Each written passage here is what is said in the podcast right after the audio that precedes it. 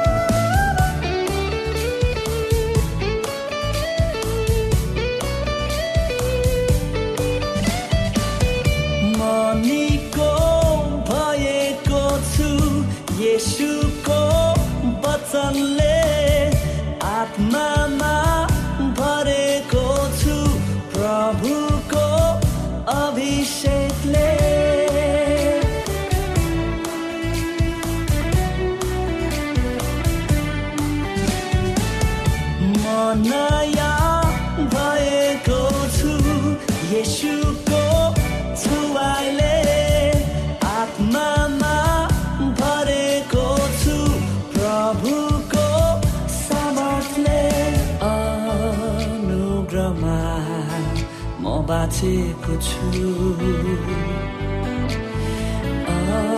अनुग्रमा म हाँसेको छु। अनुग्रमा म बाँचेको छु। अनुग्रमा म हाँसेको छु।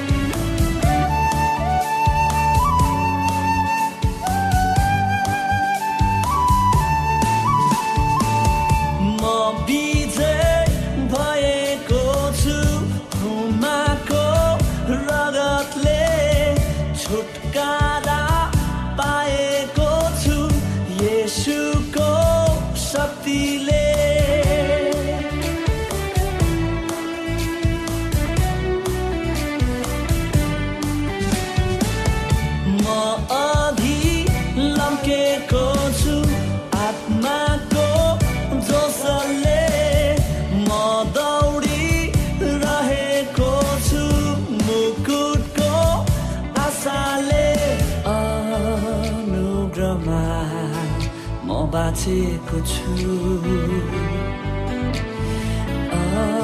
अनुग्रमा म हाँसेको छु। अनुग्रमा म बाँचेको छु।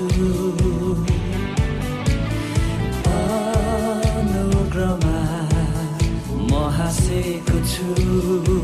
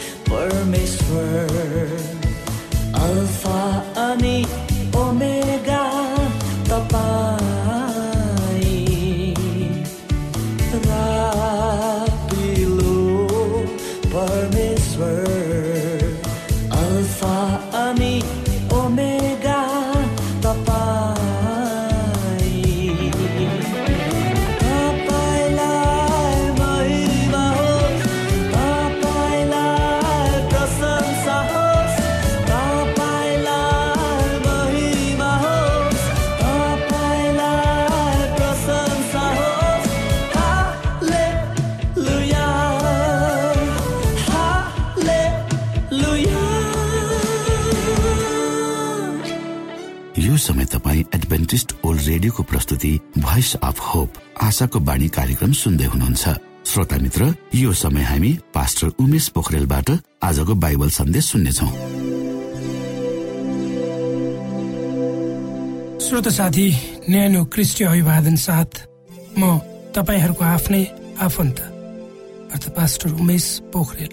परमेश्वरको वचन लिएर यो रेडियो कार्यक्रम मार्फत पुनः तपाईँहरूको सामु उपस्थित भएको छु। मलाई आशा छ तपाईँले हाम्रो कार्यक्रमलाई नियमित रूपमा सुन्दै हुनुहुन्छ र यसबाट परमेश्वरको आशिष प्राप्त गरिरहनु भएको छ। आजको प्रस्तुतिलाई पस्कनुभन्दा पहिले आउनुहोस्। श्रोता हामी परमेश्वरमा अगुवाईको लागि बिन्ती राखौँ। जीवी जुदो महान दयालु परमेश्वर पिता हामी धन्यवादी छौँ तपाईँको पुत्र प्रभु यीशु क्रिस्ट र उहाँको महान प्रेम र बलिदानको लागि। प्रभु यो रेडियो कार्यक्रमलाई हामी तपाईँको हातमा राख्दछौँ। यसलाई तपाईँले आफ्नो राज्य महिमाको प्रचारको खातिर यो देश र सारा संसारमा पुर्याउनुहोस्। सबै बिन्ती प्रभु यीशुको नाममा। आमेन।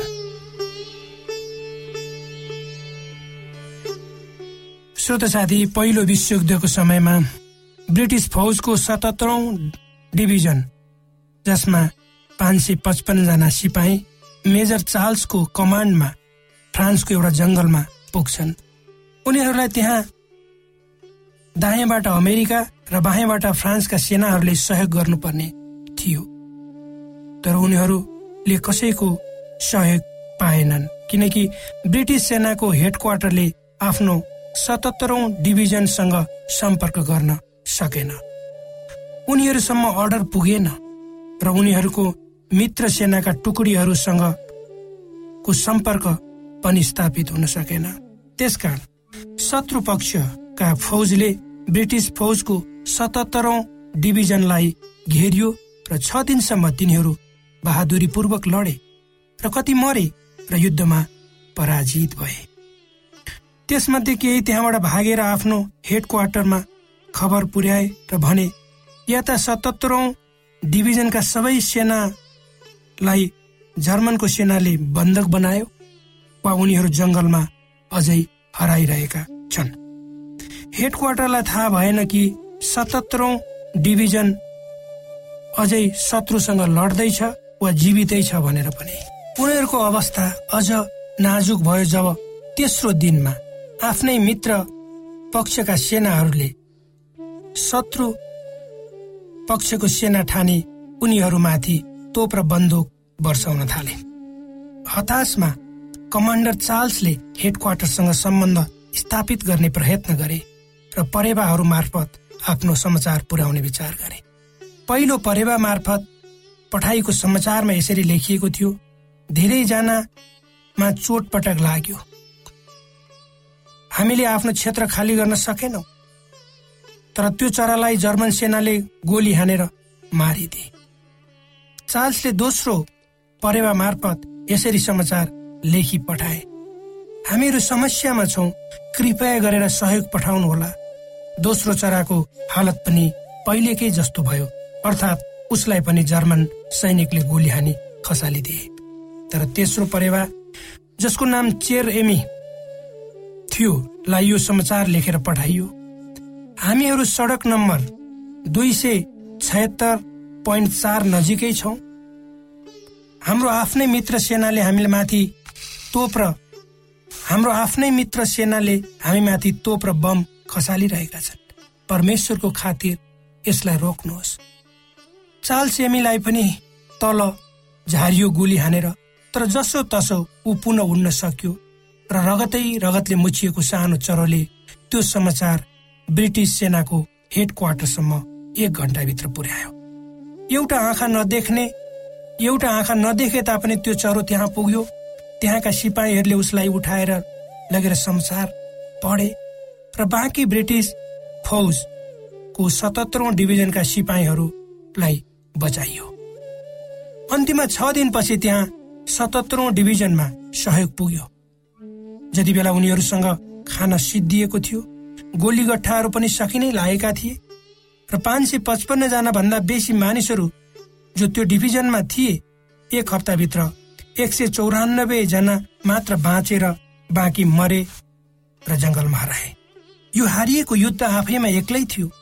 जब आफ्नो हेड क्वार्टरसँगको सम्बन्ध विच्छेद भयो कुनै पनि निर्देशन ब्रिटिस सेनाको सतहत्तरौं डिभिजनले प्राप्त गर्न सकेन। त्यस कारण संसार मानिसको संसार मानिसहरूको निम्ति अति आवश्यक कुरो हो। श्रोता र जब हामीहरू कुनै अप्ठ्यारोमा पर्छौँ त्यति बेला यो झन आवश्यक पर्छ।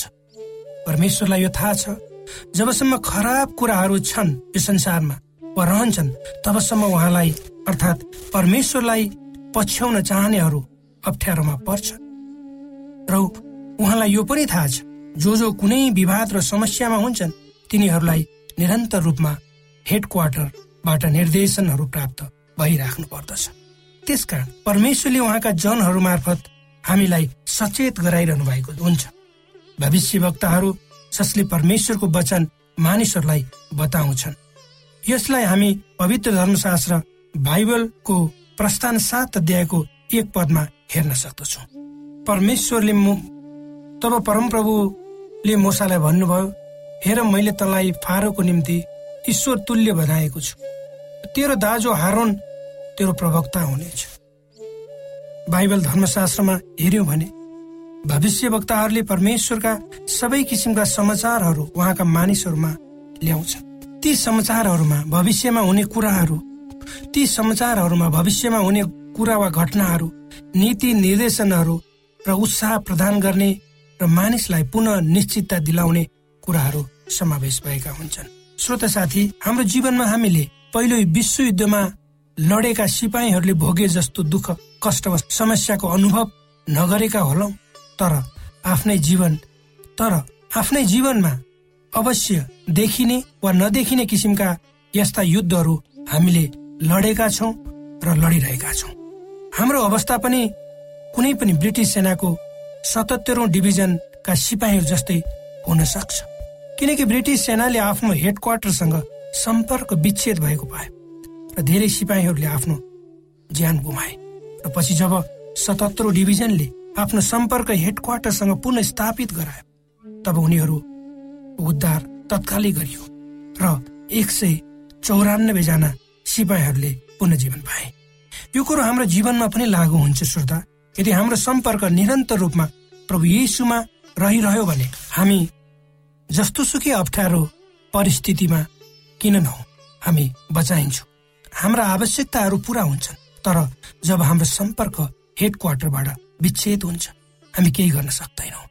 र सांसारिक शत्रुहरू ती तपाईँ हामी आफैभित्र वा बाहिर पनि हुन सक्छन् तपाईँ हामीलाई घेरेर बन्धक बनाउनेछन् र हाम्रो ज्यानै पनि लिनेछन्। परमेश्वरले तपाईँलाई यी वचनहरूद्वारा आशिष दिनुहोस्। आमेन।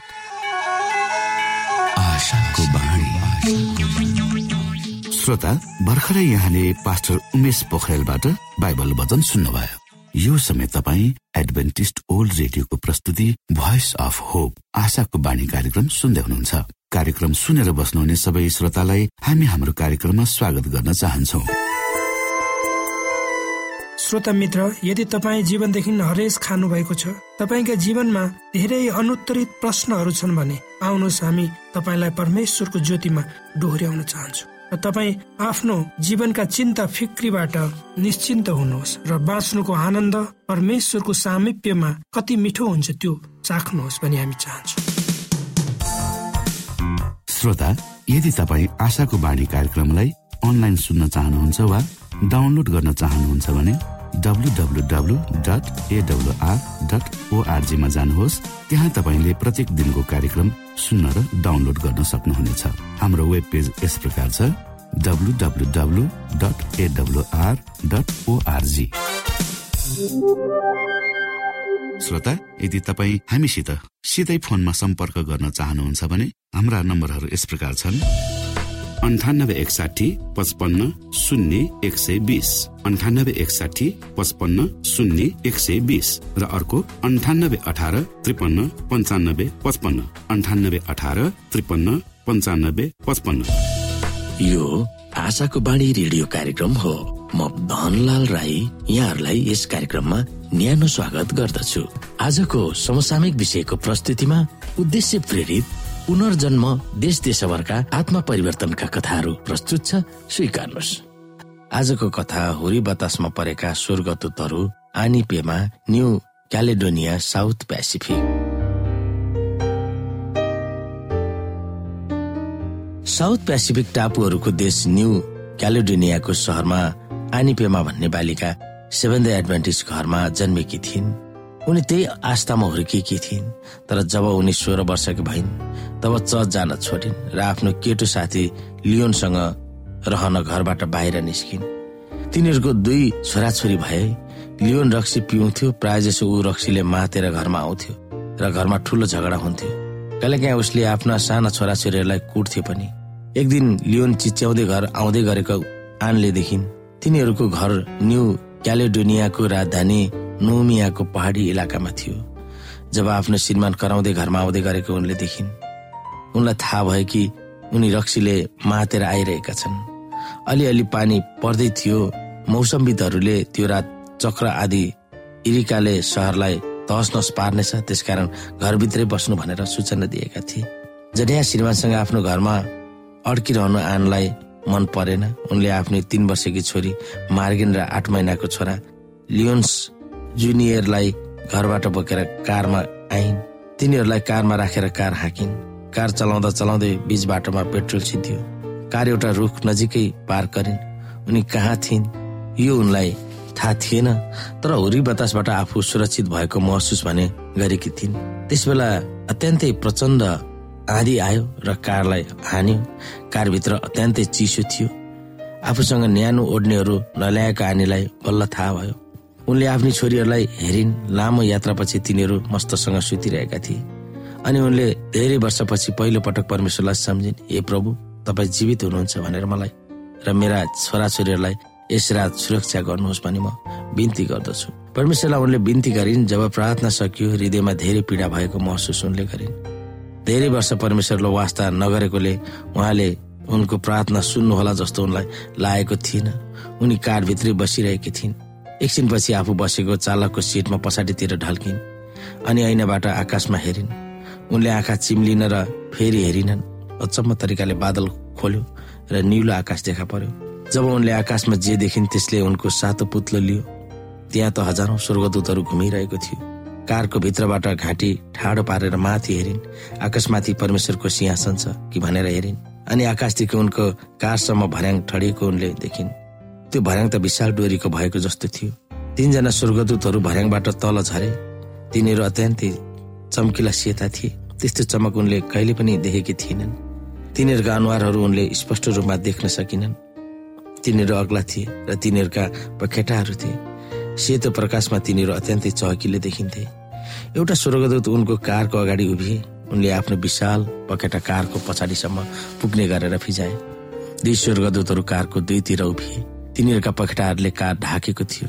आनी भयभीत भइन् र डरले काप्न थालिन् अनि बालक भएको टोकरी हल्लाएको जस्तै कार हल्लिएको थाहा पाइन्। कारभित्र रमाइलो न्यानोपनाले भरियो। तुरन्तै उनको डर हराए र उनले एक किसिमको शान्ति भएको महसुस गरिन्। उनका आँखाहरूलाई निन्द्राले छोपेर उनी मस्त निन्द्रामा परिन्। जब बिहानी भयो तब चराहरूको चिरिबिरी स्वरले गर्दा आनी बिउछिन् कारको ऐनाबाट बाहिर हेर्दा आकाशबाट भर्याङ फेरि ओर्लिएको देखिन्। स्वर्गदूतहरूले तिनीहरूका पखेटाहरू दोबारे र भर्याङबाट माथि उक्ले। जब स्वर्गदूतहरू आए तब आनी काप्न थालिन्। डरले होइन जाडोले उनको कारमा भएको न्यानोपना बिलाएर गएको थियो। त्यहाँ जे भयो त्यसले गर्दा उनको हृदयमा ठुलो प्रभाव पर्यो। उनको प्रार्थनाको अचम्म तरिकाले जवाफ पाएको उनले महसुस गरिन् त्यसै बेला उनले यसोलाई आफ्नो हृदयमा सुम्पिन्। प्रभु अब म सांसारिक जीवनमा फेरि फर्किने छैन। मेरो जीवन तपाईँको निम्ति जिउने प्रतिज्ञा गर्छु भनेर उनले प्रार्थना गरिन्। जसो तसो गरेर अलिअलि तेलको भरले आनीले कार आफ्नी आमाको घरमा पुर्याइन्। उनी पहिला गएकीले आमाले वर्षौसम्म उनीसँग बोलेकी थिएनन् र केही सहायता पनि गरेकी थिएनन्। तर अचानक आफ्नी छोरी घरमा आउँदा उनले सब कुरा बिर्सेर धेरै वर्षपछि छोरीलाई अङ्कपाल गर्दै घरमा भित्राइन्। कारमा तेल हाल्न पनि उनले पैसा दिइन्। अनि आफ्नो घर फर्किन्। उनको घर चक्र आँधीबाट बचेको देखिन्। उनका छिमेकीका कतिपय घरहरू त्यस आँधीले कुनै न कुनै रूपमा नोक्सान पुर्याएको थियो। उनले कतिपय युवाहरूले मनपर्ने कपाल झ्यापले भएको संगीतकार बब मार्लीको फोटो भित्ताबाट च्यातिन् र भित्तामा झुन्याई राखेका गाँजाहरू पनि थुतिन्। आफ्नो सबै गरगनाहरू जम्मा गरिन् र आगोमा फ्याँकिदिन्। जब लियोन्स कामबाट घरमा फर्के घरको आँगनमा आगो बलिनै रहेको थियो उनी अक्क न बक्कमा परेर आगोको ज्वाला हेरेर ठिङ्ग उभिए। आनीले आफ्नो हृदय यसुलाई दिएको कारणले अब उहाँबाट टाढा राख्ने कुनै पनि सांसारिक कुराबाट हात धोए भनेर उनलाई निर्धकसँग भनिन् गत रात तिमी र छोराछोरीहरू कहाँ थियो?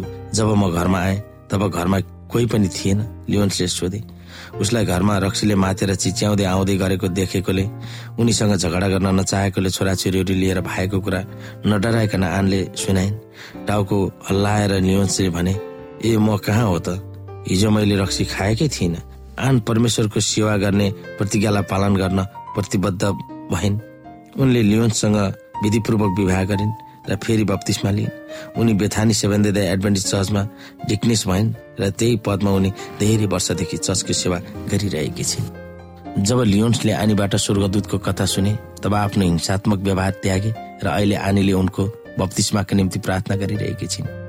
तिनका छोराछोरीहरू अहिले ठुला ठुला भइसकेका छन्।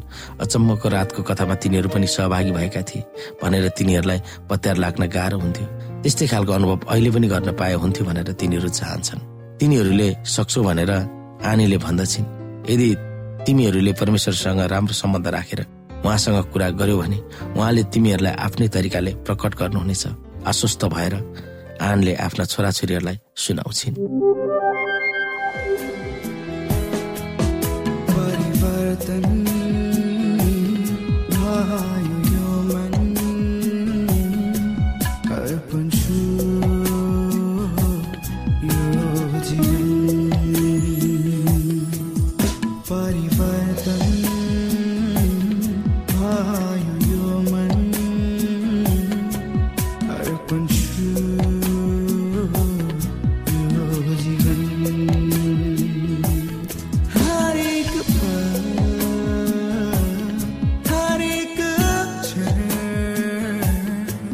Gerçi yılmın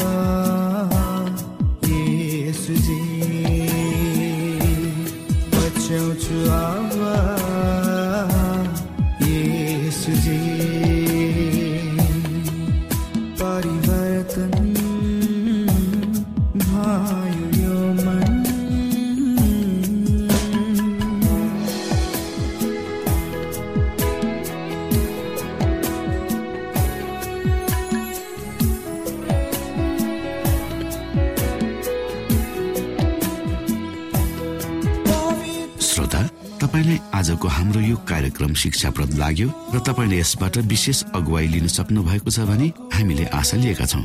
हामीसँग पत्राचार गर्ने हाम्रो ठेगाना यस प्रकार छ। आशाको बाणी पोस्ट बक्स नम्बर दुई शून्य शून्य शून्य दुई काठमाडौँ नेपाल। श्रोता यदि तपाईँ हाम्रो स्टुडियोको नम्बरमा सम्पर्क गर्न चाहनुहुन्छ भने हाम्रा नम्बरहरू यस प्रकार छन्। अन्ठानब्बे एकसाठी पचपन्न शून्य एक सय बिस। अन्ठानब्बे एकसाठी पचपन्न शून्य एक सय बिस र अर्को अन्ठानब्बे अठार त्रिपन्न पञ्चानब्बे पचपन्न। अन्ठानब्बे अठार त्रिपन्न पञ्चानब्बे पचपन्न। अवस्था श्रोता भोलि फेरि यही स्टेशन र यही समयमा यहाँसँग भेट्ने आशा राख्दै प्राविधिक साथी राजेश पास्टर उमेश पोखरेल र कार्यक्रम प्रस्तुता म रवि। यहाँसँग विदा माग्दछौ। नमस्कार।